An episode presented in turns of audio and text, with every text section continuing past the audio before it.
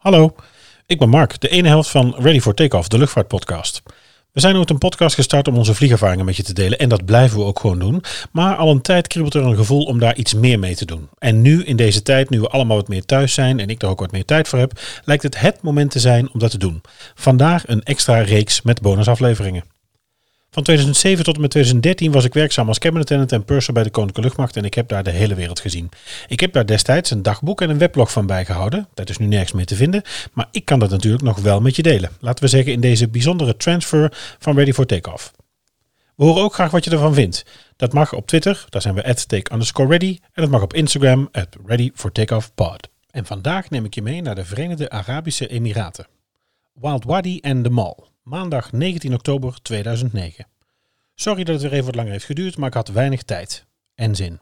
Na zondags gezakt te zijn voor het theorie-examen voor het GVB, was het maandag gelukkig weer fladderen. Nog nooit in mijn leven ergens voor gezakt en hier flikken ze me dat. GVB. GVD zou je bedoelen. Maar goed, ik mocht weer op pad. Er moesten VIP's op bezoek in Afghanistan, dus vlogen we vanaf Rotterdam met een volle bak naar Kabul. In een kleine zes uur staan we aan de grond.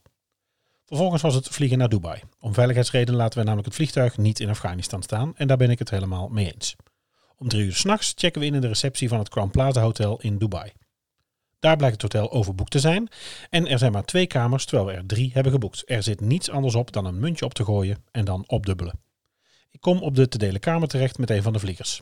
Boven aangekomen blijkt het een appartement te zijn met een woonkamer, een keuken, een zitkamer, drie tweepersoons slaapkamers, twee badkamers en een mega balkon. Best mooi ook nog.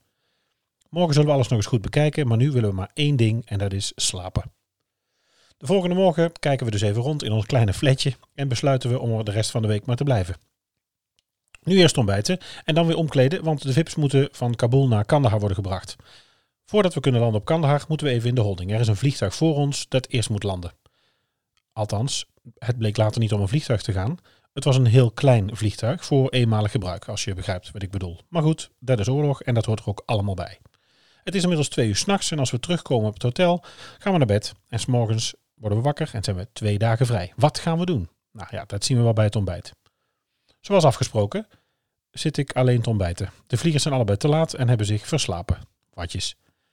Net als, net als voor de lunch gaan we naar de Dubai Mall. Een net nieuwe mall onderaan de voet van de Burj Dubai, de hoogste woontoren van de wereld de ruim 800 meter toren, maar precies willen ze het nog niet zeggen, is werkelijk een schitterende mall te zien met grote designers en allerlei merken en een ijsbaan. En een zeeaquarium met 33.000 vissen en alle luxe die je kunt bedenken. We slenteren wat rond, ik maak hier en daar een foto, we kopen wat, nou eigenlijk niet, want alles is te duur.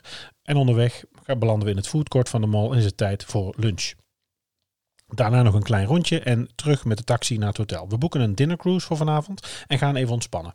De vliegers gaan naar bed. Ik kruip met een boekje in de zon aan het zwembad. Het is momenteel een graad of 30, 35, dus het is redelijk goed te doen vergeleken met de zomer. Als iedereen weer is opgefrist, worden we keurig voor de deur van het hotel gehaald om te gaan eten. Maar eerst moeten we nog langs drie hotels om andere mensen te gaan halen. Met nu al spijt dat we geen eigen taxi hebben genomen, maar goed, we gaan toch op pad. Aangekomen in de haven stappen we op een douw, een traditioneel Persisch schip. Op het schip krijgen we een drie diner in buffet aangeboden.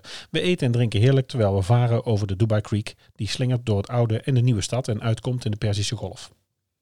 Na ruim drie uur zijn we terug in de haven en we gaan van boord. Echt een leuke avond. Aangekomen in het hotel spreken we pas weer af rond de lunch, de andere morgen, om naar Wild Wadi te gaan, een waterpark bij de Al Arab. Och, kijk nou, iedereen is op tijd. We nemen een taxi en laten ons rijden naar het eerste palmeiland Palm Jumeirah. We zijn nieuwsgierig hoe het eruit ziet en laten ons rondrijden door de taxichauffeur. We zien villa's, bijbehorende auto's en wat bewoners van het eiland. Wauw. Aan het einde van de Palm staat een nieuw hotel, het Atlantis Hotel. Dit is een kopie van het beroemde hotel dat op de Bahama's staat. Mega luxe en enorm groot. Dan gaan we terug en laten we ons afzetten bij het waterpark. Bij de kassa krijgen we allemaal een soort horloge met daarop uh, je entree, geld voor consumpties en een code voor een kluisje. We kleden ons om en smeren ons en elkaar, dit klinkt smeriger dan het was, in met zonnebrand. We lopen een rondje en komen uit bij de Flowrider. Hier maakt men een golf na en kun je met een bodyboard een golf afscheren. Nou, even proberen dus. Alle drie liggen we in er tien tellen af.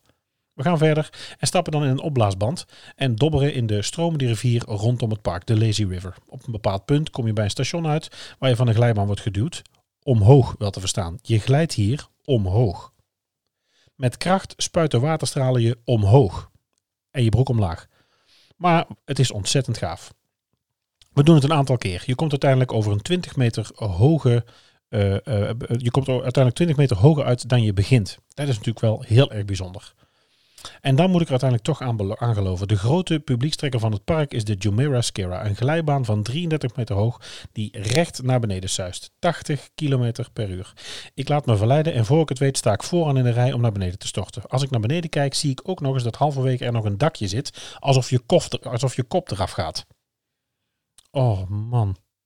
Ik laat me niet kennen. Volgende instructie van de badmeester op. Kruis mijn benen en armen en gaan. Oh mijn god, dat ging hard. Niet normaal. Maar wel echt heel gaaf. Ik kom met enorm kabaal en veel water terecht in het remgedeelte van de baan. Mijn broek uit mijn reet en besef dat ik het toch maar eventjes gedaan heb. Achter mij komen de anderen. We drinken en eten wat en doen nog twee keer de glijbaan omhoog. De vliegers gaan nog een keer van de hoge en ik maak foto's. We hebben een geweldige dag gehad. We waren hier om 12 uur en gaan s'avonds om 7 uur pas weer terug naar het hotel. Na het douchen eten we wat in het steakhouse van het hotel en dan gaan we naar bed. Morgen weer de passagiers halen in Afghanistan en dan terug naar Nederland. Aangekomen in Eindhoven begint de herfstvakantie. Het is nu zondag en volgende week werken we pas weer. De volgende trip is waarschijnlijk Suriname en Curaçao en nog een keertje, op en neer naar Kreta. Tot de volgende keer.